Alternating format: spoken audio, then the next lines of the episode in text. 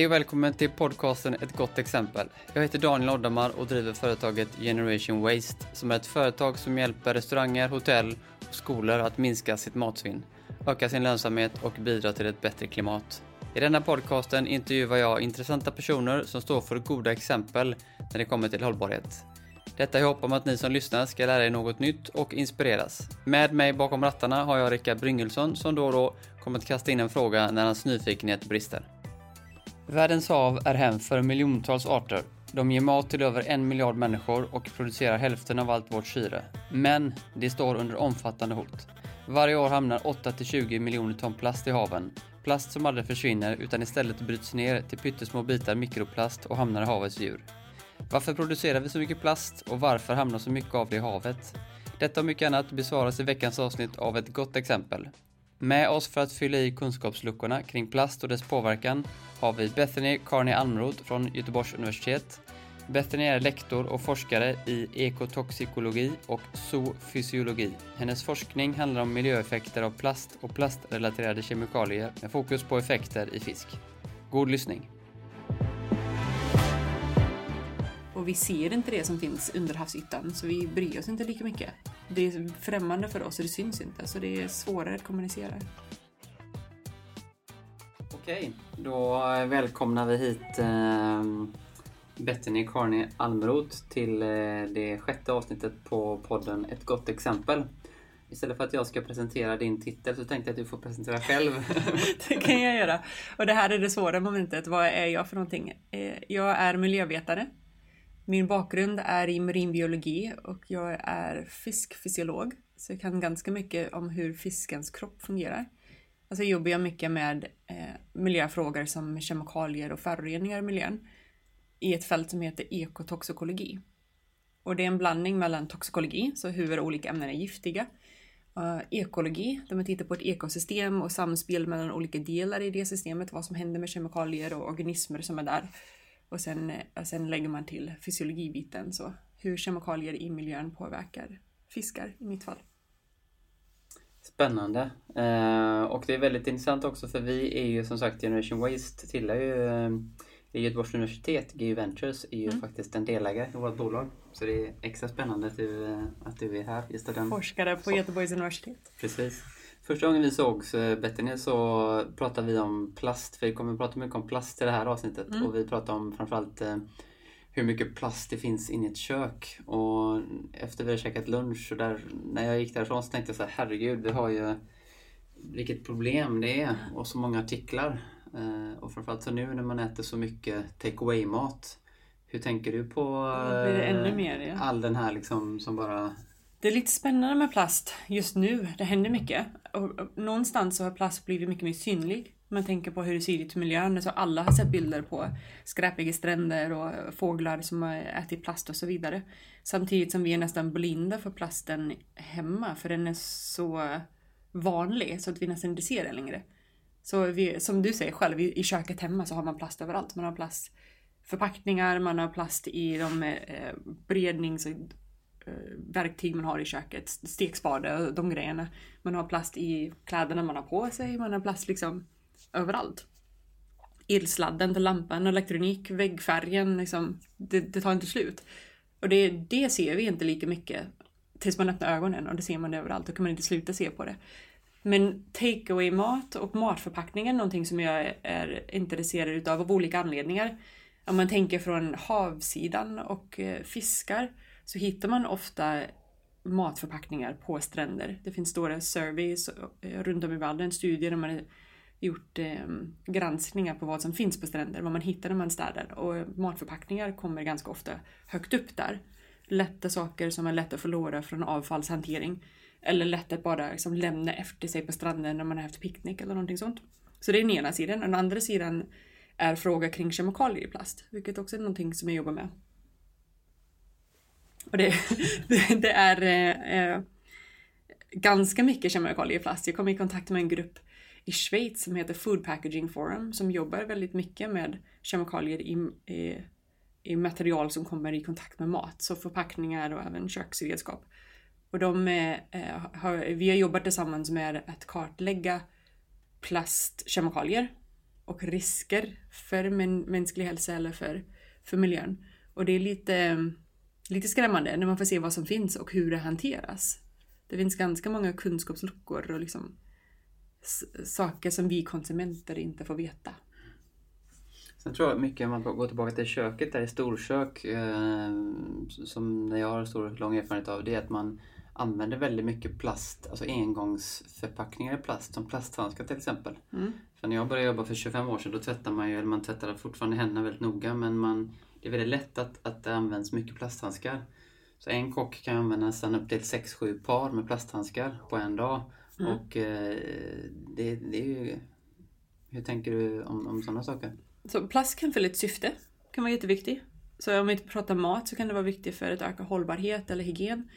Vad det gäller handskar och det, så jag som ändå har jobbat på renlabb med DNA, RNA och andra så, saker i laboratoriet på jobbet och toxiska kemikalier för den delen, är väldigt skolad i hur man använder handskar. Och det är inte lätt att göra rätt. Nej. Jag kan tänka mig att liksom, sjukvård är ännu hårdare träning än vad vi har kanske i vissa fall. Men det är lätt att göra fel med handskar. Och då fyller de inte sitt syfte, då blir det lite slöseri. Gör man rätt så, så kan det vara väldigt bra, men mm. gör man fel så är det meningslöst nästan. Så det beror på hur man använder dem och om man är väldigt tränad i det och gör det på rätt sätt. Mm. Om det ökar hygien och ökar eh, hållbarhet, om det minskar smittspridning och så vidare. Men man måste göra det rätt. Så vi, jag, tror vi, jag tror vi slösar väldigt mycket, att vi använder väldigt mycket plats på fel sätt. Mm. Hur, eh, jag tänkte bara berätta lite om din bakgrund. Hur kom du in på, vad, vad var det inom eh, miljövetenskap och hållbarhet som, som lockade dig till att börja och mm. hamna in på den här banan? Så jag var Harvard från början, marinbiologi. Jag kommer från New York och växte upp på en ö utanför New York City där det fanns väldigt fina stränder. Så jag liksom, ganska mycket av min barndom är på stränder vid havet. Och lekte alltid med fisk. Jag har nog alltid varit djurintresserad och havintresserad. Så det blev marin, marinbiologi av naturliga skäl. Sen har jag den här eh, ganska nyfiken person. Jag vill veta hur och varför. Alltså eh, liksom fråga som ifrågasätter saker. Och vill gärna veta mer och tycker det är spännande, utmanande och har obesvarade frågor att liksom hugga tag i. Men att det blev miljöfrågor kom nog först under min universitetsutbildning. Där jag hade möjlighet att sommarjobba och, och göra olika internships, forskningsprojekt. Och jag valde alltid projekt som hanterade kemikalier eller föroreningar i miljön på olika sätt. Oljeutsläpp och läkemedel och tunga metaller. Att det blev, det blev bara så. Så det var nog det som intresserade mig, de här miljöfrågorna. Därifrån gick jag vidare till en utbildning i fiskfysiologi, för jag älskar fisk. De är så eh, häftiga djur. De kan vi prata gärna ganska mycket om. De är väldigt spännande. Och sen kombinera de två frågorna, miljöföroreningar och fiskar. Liksom. Best of both worlds. Senare i min utbildning har jag kommit eh, djupare in på en mer interdisciplinär approach till miljöforskning. Där jag har jobbat lite mer med en, en större bild, tittat mer på samhälleliga frågor, på olika sätt att samarbeta med industrin eller med eh, policy, beslutsfattare, ekonomer, att hitta andra sätt att koppla ihop naturvetenskap och det jag vet om fiskar till, till en större nivå.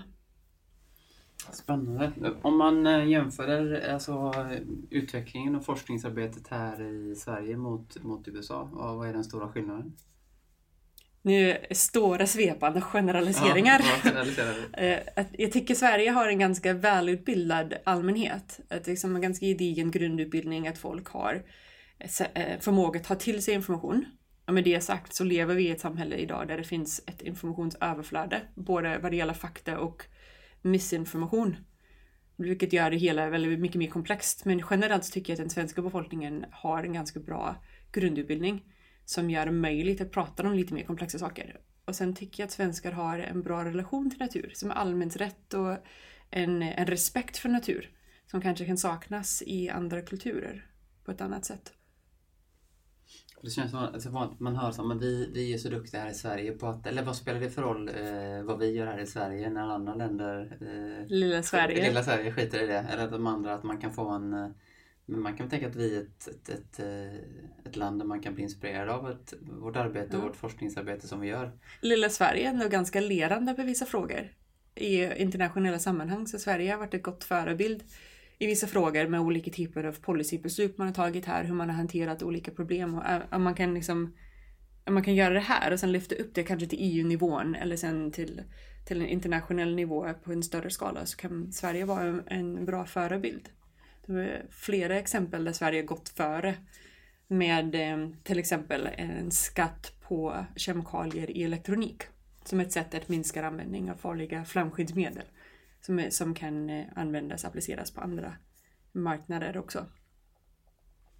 Eh, nu den här eh, covid-19 krisen har varit och, och sista månaderna så jag har ju jobbat med det här med matsvinn och hållbarhet i alla fall de sista tre fyra åren. Och jag upplevde liksom lite i våras att, det, att luften lite gick ur mig när, när den här krisen kom. Mm. Och på något sätt blir det så uppenbart att vi, eh, en moder jord bara skakar liv i oss. Eh, hur tänker hur, hur, känner du efter den här Like we've all been bad and we've been sent to our rooms. Yeah, yeah. We're being punished.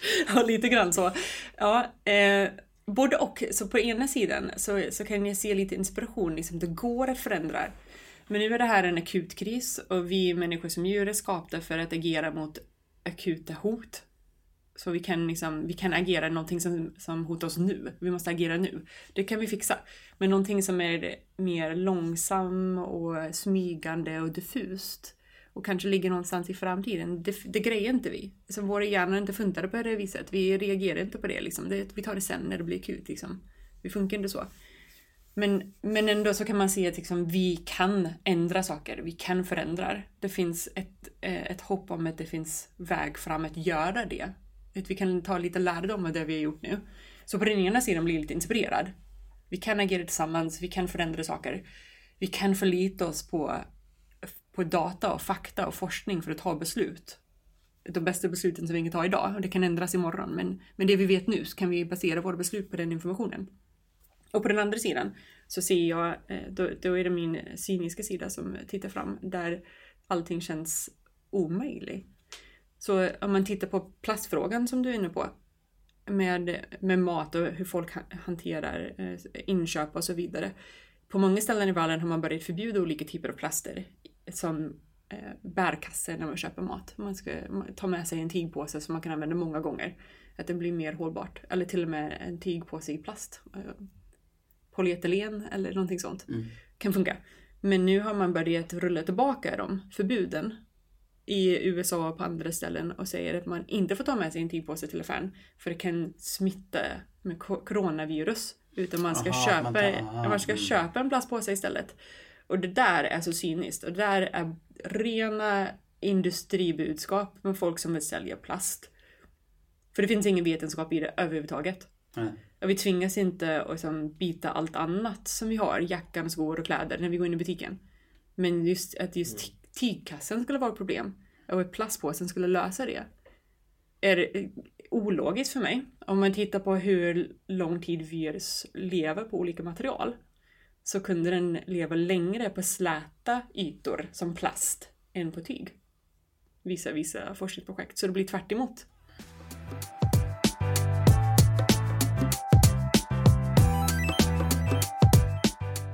Varför är plast så dåligt? Vad är grunden till att det är dåligt?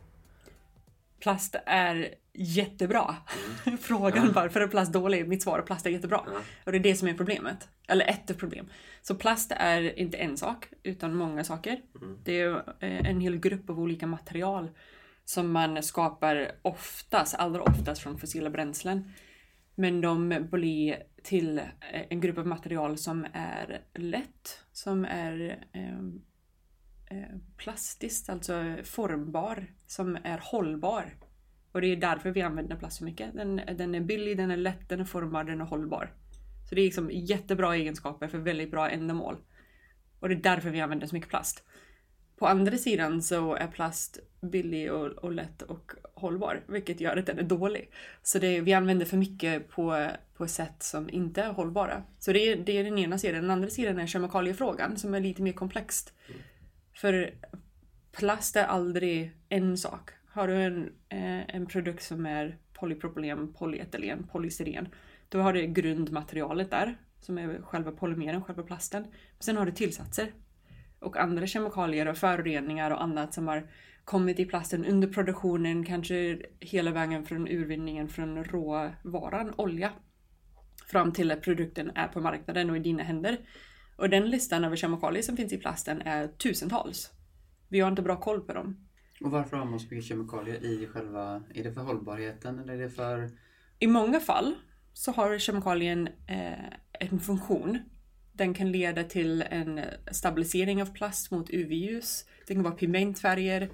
Det kan vara mjukgörare som gör plasten mer eh, formbar och eh, mjukare. Mjukgörare som man hittar i en duschdraperi till exempel, PVC. PVC är en ganska hård plast som man har i vattenrör. När man har PVC i en duschdraperi så är den väldigt mjuk och det är på grund av tillsatserna. Eh, flamskyddsmedel är en annan. Antibakteriella medel som man kan ha i matförpackningar som ökar hållbarhet. Så det är en lång lista med olika kemikalier. Vissa kemikalier kan komma dit från, som jag sa, produktion eller som bildas under eh, olika eh, processer i plastens livslängd. Men eftersom vi inte har bra koll på dem så vet vi inte vad som finns där och var de hamnar sen.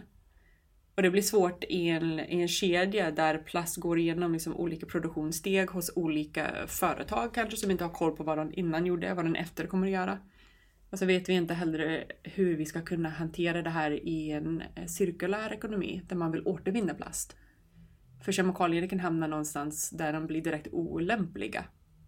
Och hur mycket av den, för jag vet att vi, vi eh, har ju träffat och jobbat med en del företag som jobbar med att de vill öka sin återvinningsgrad mm. och hur mycket av den plasten som man, eh, som man sorterar ut och som man återvinner, hur mycket av den plasten återanvänds i när man producerar ny plast igen sen. Mm. Vad det gäller PET så går det ganska bra. Och det PET som man har i vattenflaskor och som läskflaskor. Det är en ganska sluten cirkel med ganska enkel material. Så den plasten som man har i sin vattenflaska som eh, går till återvinning har inte lika mycket kemikalier eftersom den är gjord för matkontakt. Så den är lite enklare, så går det till en eh, PET-återvinnare som gör en ny vattenflaska av det. Så det kan bli liksom en sluten cirkel som fungerar bra.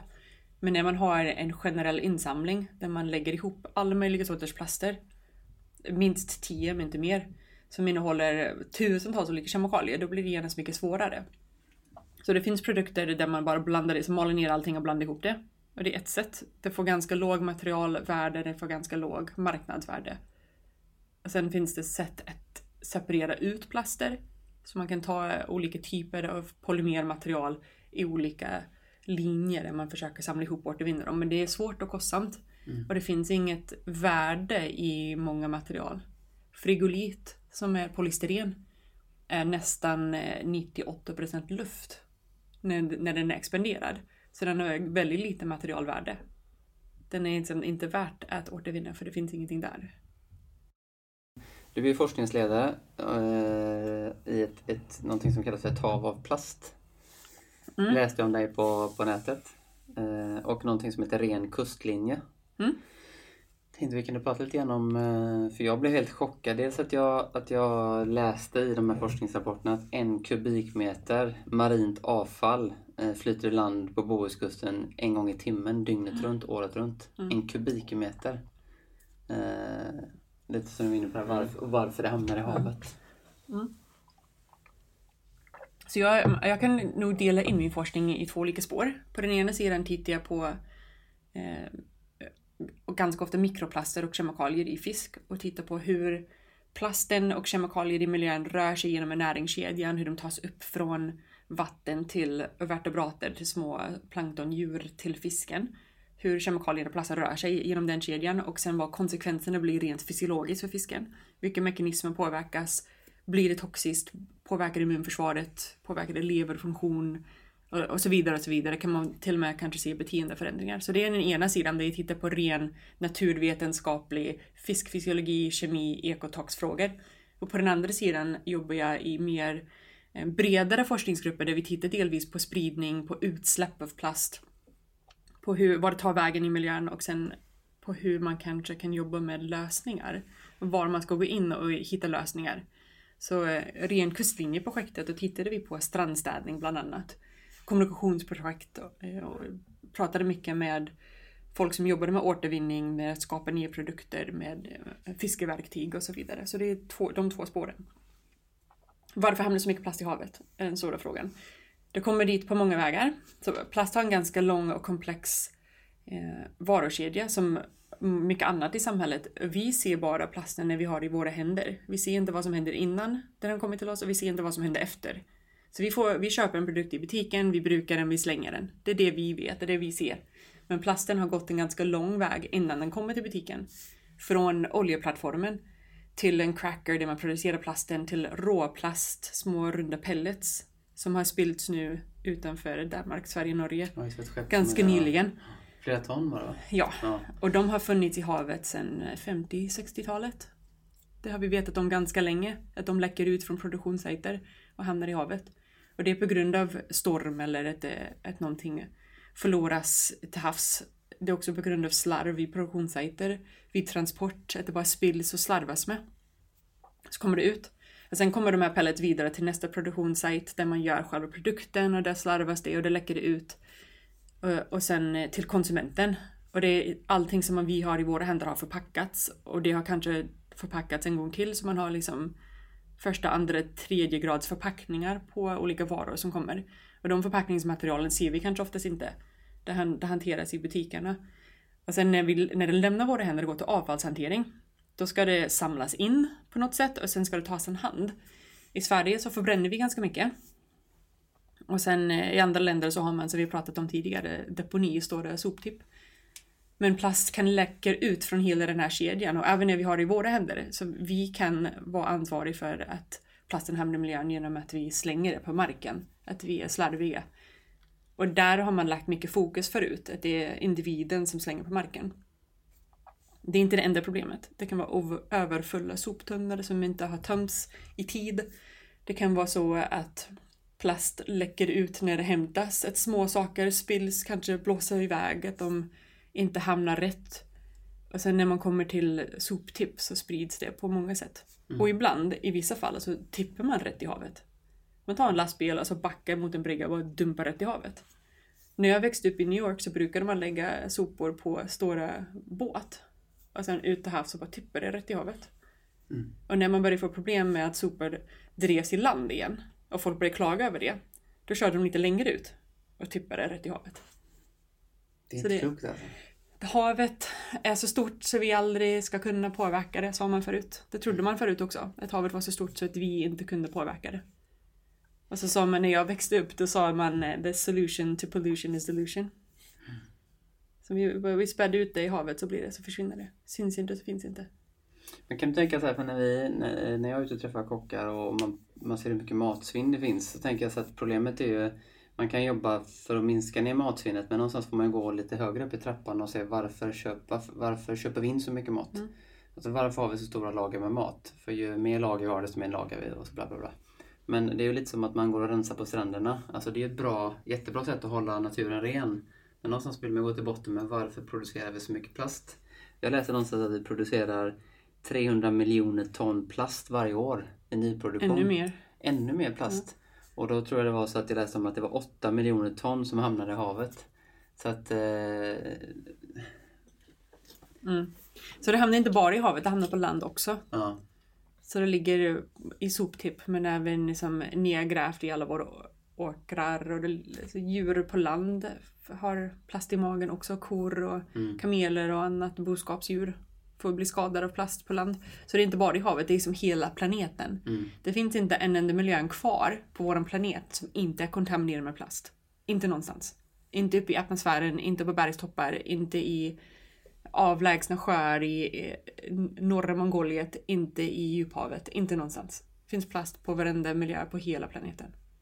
Men kan du tänka så här, finns det liksom en evig utom räddning? Alltså, det är inget så här eh, eh, Armageddon men någonstans att... att Nej, men så- vi, ja. Är vi människor liksom... eh, För jag tänkte på det när jag, jag skulle gå och handla fika här nu, ska jag köpa lite gott bubbelvatten till oss. Tänkte jag, nej men det kan vi inte köpa bubbelvatten. Kan och dricka plast, kran, vi har ja, bra precis. kranvatten i Sverige. Ja. Alltså, men är det liksom, kan du se att det finns en, för jag upplever att, att ungdomarna idag är så väl medvetna.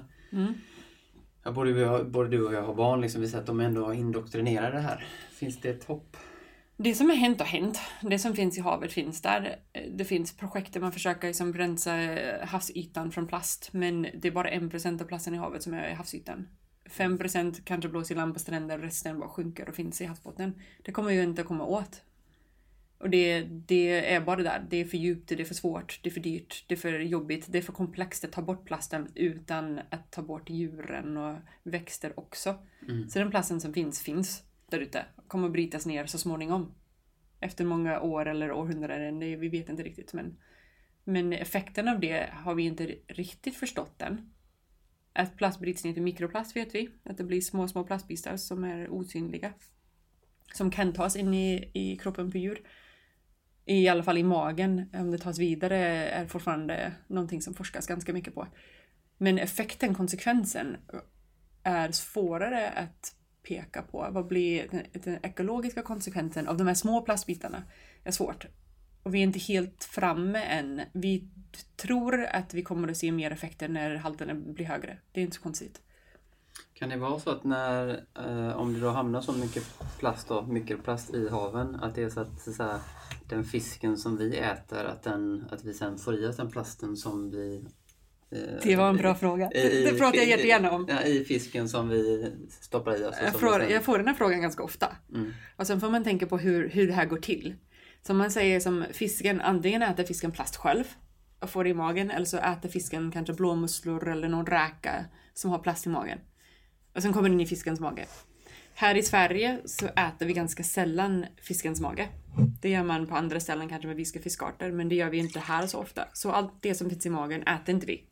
Så det är inte så problematiskt på så sätt. Om plasten kan ta sig från magen in till fiskmuskeln, alltså köttet som vi äter, är en annan fråga.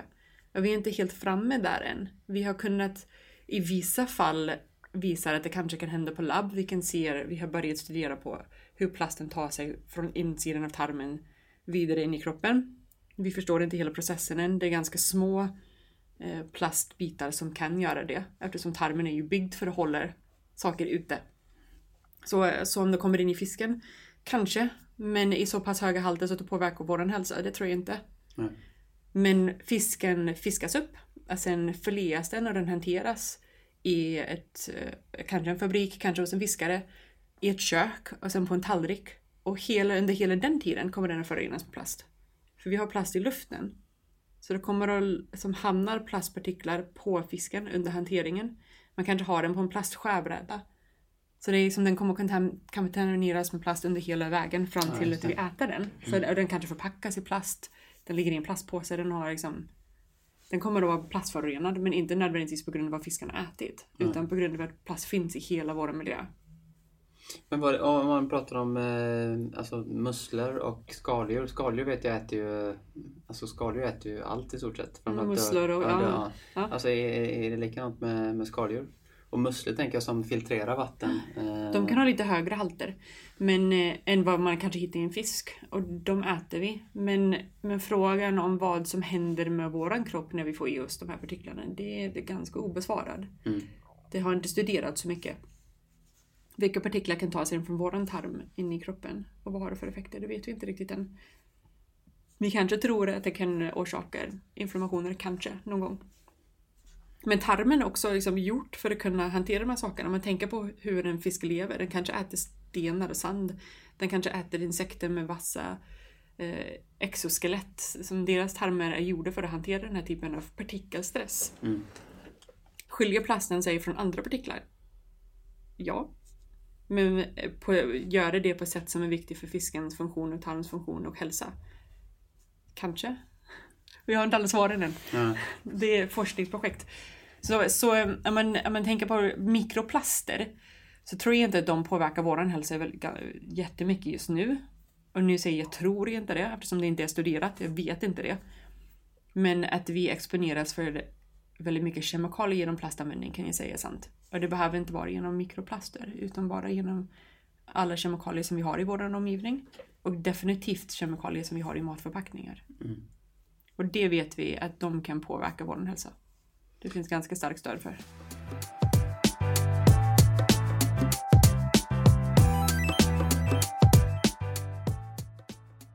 Jag tror att det är ett sätt, som nu har man höjt då, nu, nu uh, har man höjt priset på en plastpåse till 6 kronor styck. Mm. Är det sådana saker som gör att vi kommer att minska vår plastkonsumtion? Att vi höjer priserna på exempelvis en flaska ketchup eller mm. uh, vad det kan vara? Plastskatten på plastpåsar. Så här, här är det kanske bättre att prata med någon som är bra på eh, mänskligt beteende och policybeslut, hur man driver igenom den. Men av det som jag har sett och det, som, det lilla som jag kan om de här frågorna så tycker jag att idén var bra men att den eh, funkade väldigt dåligt när den genomfördes. Eftersom anledning bakom skatten på plastpåsen tycker jag inte kommunicerades så väl så att folk förstod det. Så det det är en, ett, plastpåsen i sig är inte hela problemet. Plastpåsar läcker ganska mycket från vår liksom, avfallshantering i vallen och är ett jätteproblem när det gäller djur som äter dem, valar och sköldpaddor och så vidare så, så har de stor impact i miljön. Men inte här i Sverige. Eftersom vi förbränner ganska mycket av våra, våra sopor så våra plastpåsar läcker inte ut. Men med det sagt så kan jag säga att vi köper in plast från andra länder så hela produktionskedjan innan det blir en plastpåse bär vi någon slags ansvar för och det kan ha hänt i Sverige eller utanför Sveriges gränser. Mm. Och det ser inte vi. Och sen blir plastpåsen en symbol för plastförbrukning, för själva materialet som är problematiskt. Så det är inte plastpåsen i sig i Sverige som är det problemet, det är liksom mer en, en större bild. Och den större bilden har inte lyckats kommuniceras till konsumenterna som nu måste betala för sina plastpåsar. Så det gick ganska dåligt med den, mm. den idén. Jag tänkte att vi går tillbaka och prata om det här med, med fisken igen där. Mm. Eh, jag har varit i kontakt med nu har man börjat titta lite grann på, eller min första fråga är så här. Är, är det så nu att under den här krisen som har varit nu i två månader, är det så att, att haven får återhämta sig lite grann? Eller är det bara så här en, eh, ett, ett djupt andetag och så kör vi igen? Eh, men tror man att det kommer att vad som händer sen. Jag vet mm. inte hur som fiskarflottan som ute fiskar har eh, betett sig, om de är ute lika mycket eller inte. Jag vet inte heller hur konsumtionen av fisk har sett ut på den sista tiden. Vi flyger mycket mindre, vi är ute på stränder mycket mindre. Många stränder runt om i världen har stängts. Mm. Och då blir det definitivt mindre tryck på miljön. Mm. Att vi stör när vi är där, bara genom att finnas där, att, eh, är ganska välbevisat nu. Och, och att djur och andra organismer börjar komma tillbaka till de områden där inte vi är. Man ser de här roliga bilder på grisar som springer genom Berlin eller jätter på Irland och sådär. Djuren mm. kommer in i städerna där människorna inte är. Så på så sätt så kan det finnas en viss återhämtning i vissa miljöer. Men eh, det kan vara kortsiktigt om vi ska tillbaka till vanlig beteende sen. Jag tänkte bara prata lite mer om, om, eh, om fisk där. För vi har varit i kontakt med det här med att, att man odlar fisk på land. Ja. Aquaponik. Som är väldigt spännande eh, Niklas Wemberg som driver Stadsjord. Ja. Han har jag träffat några gånger och han står även på en intervjulista här. Roligt. Ja. Eh, vad tycker du om, om stadsodlad fisk? Är det, är det framtiden? Jag tror att det kommer att vara jätteviktigt i framtiden. Särskilt om man kan skala upp det på ett hållbart sätt. Så man har en, en odling av fisk där man tar vara på alla näringsämnen. Det här forskas också på på universitetet. Där man försöker jobba med eh, recirkulerande system. Så man tar inte in lika mycket vatten och släpper inte ut lika mycket vatten. Jag försöker ta vara på eh, lösta näringsämnen och partikulärt näringsämne så man kan odla alger, man kan odla musslor och filtrerande djur.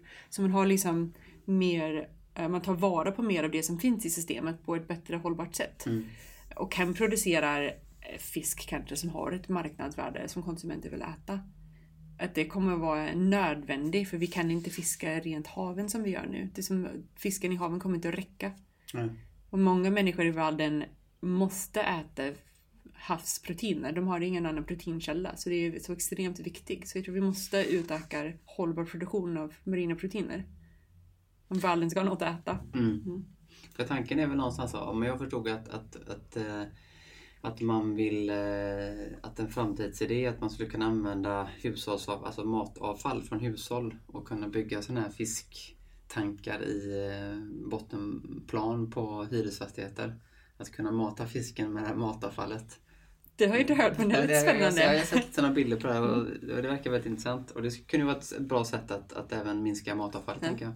Om det nu funkar. Jag har nya projekt på gång med kollegor på universitetet som jobbar med akvakultur där vi ska titta på plaster i de här systemen. Mm. Hur de, om man har ett stängsystem som är byggt av plast och mycket av deras reningsfunktioner är också byggda av plastmaterial. Liksom, vad händer med den plasten? Vad tar det vägen? Vad, släpper det ut kemikalier? Binder det kemikalier?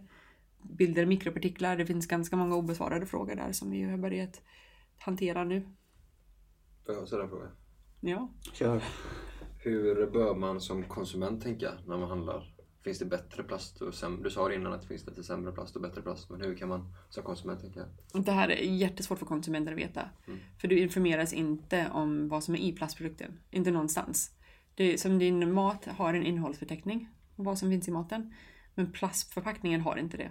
Det står inte vad, vad som är i plasten.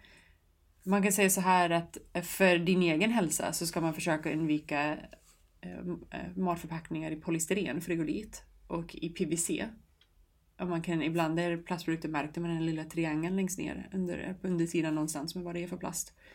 De har starkare kopplingar till dålig hälsoutgång alltså för människor. Kopplingar till eh, hormonstörande sjukdomar och, så, och annat. Så de, frigolit, och styren och PVC som matförpackningar ska man undvika. Och sen är det så att vissa plastprodukter, som en chipspåse, innehåller många olika lager. 6 till 12 till 20 olika lager av olika material. Lager på lager på lager som är ihoplimmade. Som har liksom en insida som har en viss funktion, och sen mellanlager, ett trycklager och sen en yttre lager. Och de går inte att återvinna, återvinna alls. De kan bara förbrännas. För det går inte att separera ut dem. Så det, det blir svårt det. Konsumenten eh, kan ha makt i många frågor, men det kräver att de har både information och kunskap. Och just i den här frågan så har de inte information. Det är ju brist, bristvara här. Men bör man undvika att köpa produkter i plast så gott som det går? I vissa fall, tycker jag. I vissa fall så finns saker förpackade in absurdum. Och det kan man försöka undvika. Absolut. Att undvika plast helt och hållet går inte. Det är nästan till omöjligt att leva idag på ett drägligt sätt utan att köpa plast. Så det blir väldigt, väldigt svårt. ställer väldigt stora krav på konsumenten. Så lite medvetna, medvetna inköp. Men sen tycker jag att man kan ifrågasätta och ställa frågor. Man har rätt till svar gällande vissa frågor i alla fall vad det gäller vissa typer av kemikalier som är hälsofarliga så kan man eh, ställa krav hos återförsäljaren som måste få den information från producenten. Mm. Vad som finns i produkten. Men det kräver en väldigt aktiv person som ställer de frågorna, som kräver information och svar.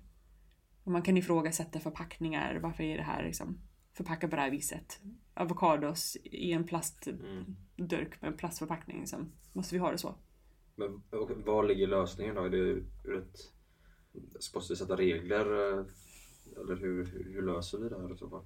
Det här med lösningar. Ja, Toppstyrda och, och Toppstyrda? bottendrivna. Jag tror vi Ja. behöver alla sorters lösningar. Ja. Om vi kan äta mer lokalproducerad, säsongsberoende eh, mat när, när det går. Äta längre ner, längre ner på eh, näringskedjan, som mer vegetarisk mat. Som i vissa fall kanske kräver vissa kunskaper som inte får vitaminbrist och så vidare. Men tänk på vad man köper. Så måste man äta kött från Brasilien, kan man äta svenskproducerat kött? Eller kan man istället äta bönor? Mm. Eller ärtor eller någonting annat som man kan ersätta det med. Det finns ganska bra, många alternativ nu. Och återigen så är det inte alltid lätt att veta vad allting har producerats och vad det har för miljöeffekter. Men lite mer grönt och vegetariskt, lite mindre förpackat.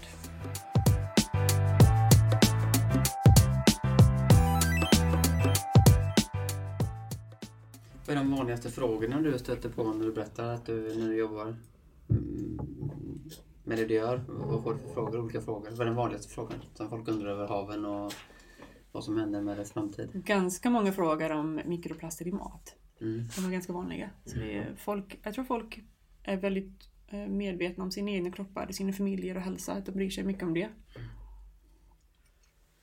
Miljö, själva miljöfrågor kommer kanske i andra hand. Eh, när jag eh, så säga, blir inspirerad av, eh, av att utveckla mig ännu mer med hållbarhet och klimatfrågor så, eh, så försöker jag liksom, man följer vissa personer och företag. Och kan du, har du några bra tips på vilka, vilka företag och personer inspirerar dig? Ganska, ganska många. Eh, det, det finns väldigt många grupper som jobbar med plaster nu. Mm. Så man kan få inspiration ifrån. Eh, som Zero Waste är en som jobbar med eh, att försöka minska ner plast. Det finns en grupp som heter CEL, C-I-E-L, jag kan inte bokstavera på svenska, som är en grupp av eh, advokater som jobbar med miljörättigheter, som är ganska kunniga och duktiga på att angripa olika typer av miljöfrågor och rättigheter. Eh, Food Packaging Forum gillar jag. Eh, de är en annan. Chemtrust. En annan som jobbar med kemikaliefrågor. Eh, Internationella kemikaliesekretariatet, Chemsec. De är ganska duktiga på att hantera kemikalier från eh, eh, regleringssidan, liksom vad som är förbjudet och vad som finns i produkten. Men de jobbar mycket med eh, utbildning, kommunikation. Så jag tittar mycket på kemikaliefrågor och plastfrågor, men eh, rättvisefrågor, miljöfrågor. Mm. Finns det några, några andra bra poddar som du? Och, vi brukar inte lyssna på poddar så ofta. Jag lyssnar på Radiolab Ja. från New York City. Som är, hanterar ganska många frågor, inte bara vetenskap, men det brukar ta in lite vetenskap med lite udda saker, lite underhållande. Hur ska det gå för New Jag tänkte på i New York nu. Jag läste om eh, i tidningen i helgen. Marcus Samuelsson, den duktiga kocken som driver eh, Red Roaster i New York. Det har jag Alltså, ätit. Ja, det, men alltså krogarna är ju stängda. Alltså, Mm. De får bara köra take away. Eh, jag tror det är 26 000 restauranger bara i New York City. Ja. Eh, Det är lika många människor i New York som i hela Sverige. ja. Har de kontakt med några som bor kvar? Har du några kompisar syskon och- kvar i New York. Ja. Mm. Hur är det i New York nu? Eh, Det har varit ganska jobbigt. De, Mm. har, de har haft det ganska tufft och väldigt stora dödstal. Så det har slått hårt mot staden. Så de, det är liksom på ett sätt som är nästan bara apokalypsfilmnivån. De har varit eh, helt isolerade hemma ett tag. Min bror jobbar nu. Men han får inte åka tunnelbanan som han brukar göra så han får ta bilen och han jobbar varannan dag. För de försöker minska ner eh, antal människor i byggnaderna. Han jobbar som stationäringenjör i höghusen i New York.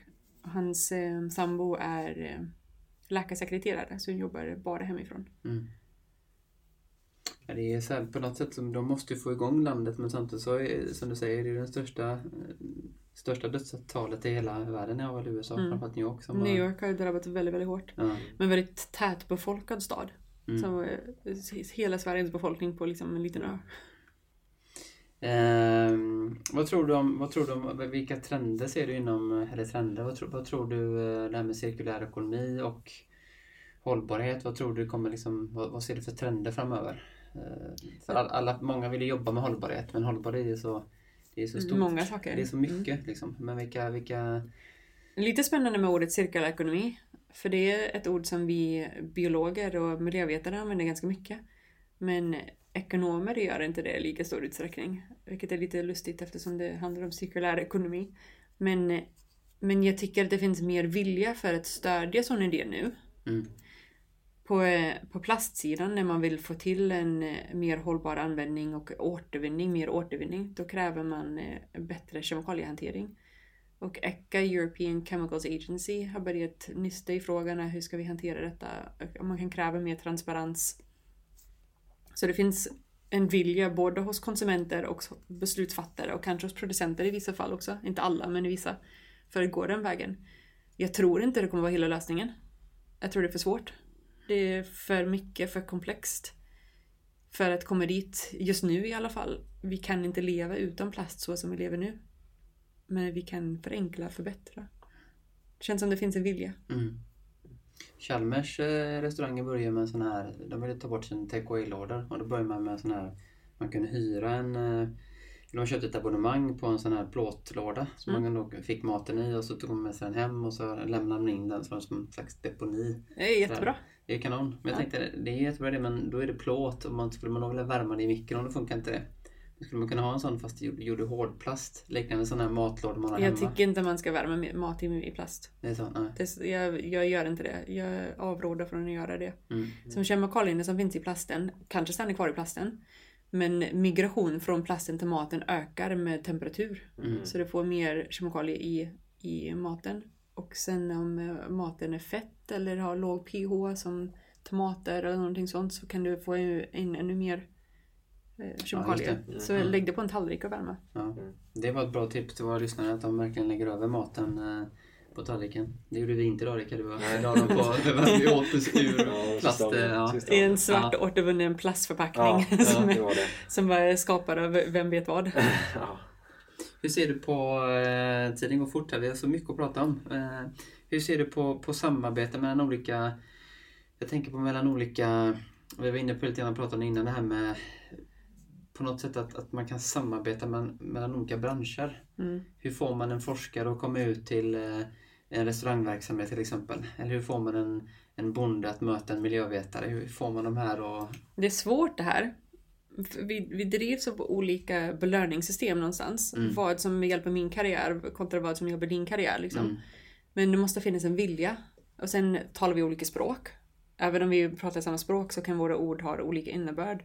Vi kanske har olika metoder, olika arbetssätt. Så allt det där behöver överbryggas. Som att, att alla kan känna att de förstår varandra, att de kan jobba på ett sätt som gynnar alla. Och den eh, relationen tar tid att bygga upp. Att, Mm. att kunna hitta ett sätt, liksom, det är arbetssättet och språket och, och målsättningen. Så det, är- det kräver att, att alla som är med där vill och är intresserade att lägga ner den tiden. Men det är svårt. Mm. Det går, men det är svårt. Men mycket handlar om kommunikation. Jag var på en sån här handelsmarknad för i höstas, en höstmarknad och då stod det en, en äppelodlare som, som sålde must. Och bredvid han så stod det en, en försäljare av lammkött, jättefint ekologiskt lammkött. Och då frågade jag om det här lammuppfödaren, skulle man kunna äta de här resterna som blir över när man, man producerar must? Ja men det är perfekt för lammen, sa han. Och då stod de precis bredvid varandra. Så där i det samtalet har de kunnat liksom lösa maten till lammen och man kunde ta, ta tillvara på det som blev från musten. Men det handlar ju bara om att, att man ser kopplingen kanske. Se möjligheter. Ser möjligheter. Ja. Vad är det som driver dig framåt? Vad, vad, vad får dig att fortsätta? Får mitt hjärta att klappa. Eh, delvis så är det forskningsnördsidan, att jag vill veta, jag vill förstå. Jag tycker det är spännande att kunna producera svar på en fråga som ingen har svarat på förut. Bara en sån sak, så det är lite, det är forskarhjärtat. Men att lägga det i ett större sammanhang, att kunna driva framåt, att kunna hitta liksom mer rättvisor och en hållbar sätt att leva på planeten. Liksom. Det, det driver mig jättemycket. Att man kan inspirera människor till att kanske göra förändringar eller tänka en gång till på någonting i alla fall. Det är det som jag kan bidra med. Jag tänkte på en helt annan sak. Du, du nämnde någonting förut. Vi pratade om det med bottentråla fisk. Jag bara kom på det nu. Om man skulle göra liknande på land. Det hade varit helt knäppt. Om man skulle göra likadan... Om man skulle dra en trålare genom en. Norrlands skog för Ja. att få tag på älgen och bara ja, sopa rent allting som fanns där. Det är inte klokt. Nej. Men det är så vi gör i haven. Nu, nu finns det olika sätt att tråla. Man kan tråla i olika områden som är säkrare än andra. Men i, i vissa fall så är det bara förstörelse som lämnas efter. Och det är inte hållbart. Nej. Och vi ser inte det som finns under havsytan. Så vi bryr oss inte lika mycket. Det är främmande för oss och det syns inte. Så det är svårare att kommunicera. Två frågor till. Eh, Dels tänker jag så här, vem, vad är ditt bästa hållbarhetstips? Jag tänker hemma. Vad, vad, är det, vad är det enklaste vi kan göra? Eh, Okej, så individen är en viss del i bilden. Jag, vill, jag tycker det är jobbigt att skuldbelägga människor jättemycket men alla kan vi göra små saker. Alla bäckar små, även om jag tycker att problemen ligger på en, en större nivå i samhället. He, hur hela samhället är uppbyggt. Man ser nu att vi, som vi har nästan helt och hållet slutat flyga. Ja, det blir lite bättre luftkvalitet, vi slutar köra, det blir bättre luftkvalitet. Men det räcker inte för att lösa alla våra problem för att uppnå klimatmålen med Parisavtalet. Utan det ligger utanför individens förmåga att kunna påverka. Det ligger hos industrin och så. Så med det sagt, my disclaimer, så tycker jag att individen kan bidra genom att göra klokare beslut. Tänk på hur man reser. Man kan, man kan ta cyklar eller ta, just nu vill man inte ta buss så mycket med corona, men om man kan ta kollektiv eh, transportation istället. Man kan eh, försöka välja bort onödiga resor. En sak. Och sen ät mer grönt. Mm. Tänk på vad man äter. Och det är okej att äta eh, kikärtor på burk. nu har vi inte ens kommit in på BPA. Ska vi börja med den diskussionen? Det får vi ta nästa gång. Mm. Eh, då är min sista fråga. Vem tycker du att vi ska intervjua? Vi frågar alltid våra gäster vem de tycker vi ska intervjua näst. Har du ett bra tips på vem vi kan intervjua nästa i vår podcast? Jag har några kollegor som jobbar med policy och hur man kan använda olika styrmedel för att få till förändringar i samhället. De jobbar inom en grupp som heter CCAR, The Center for Collection, Collective Action eh, Research. Och den som jag tänker på nu är Niklas Harring. Jag har inte berättat det för honom att jag ska säga det till er. Men han jobbar med eh, kött, köttkonsumtion. Hur man kan från statlig sida försöka minska köttkonsumtion. Grymt. Fantastiskt. Eh, tack så jättemycket för att du ville komma hit. Jag ska, ska jag berätta för Niklas exakt hans namn? Ja, det måste jag göra. Eller ett namn till är um, Sverker Jagers. Som är samhällsvetare som jobbar mycket med collective action. Så får jag berätta för honom också exakt hans namn. Vi kommer ju även göra en, eh, ett intro till dig. Mm. Uh, ska vi se, ska vi göra något mer? Eller funkar introt som vi sa? Du presenterar faktiskt dig själv. Mm. Ska vi avrunda först och främst? Ja, ja precis. Ja. Uh, ja, vi, tack så mycket för att du kom hit. Uh, jättekul att ha dig här och hoppas vi ses snart igen. Ja, tack för inbjudan. Tack. Tack för att du lyssnat på vår podcast Ett gott exempel. Du hittar oss på Acast, iTunes och nu även på Spotify. Du hittar oss även på Instagram där vi heter Ett gott exempel. Gå gärna in och följ oss där. Tack, vi hörs igen nästa vecka.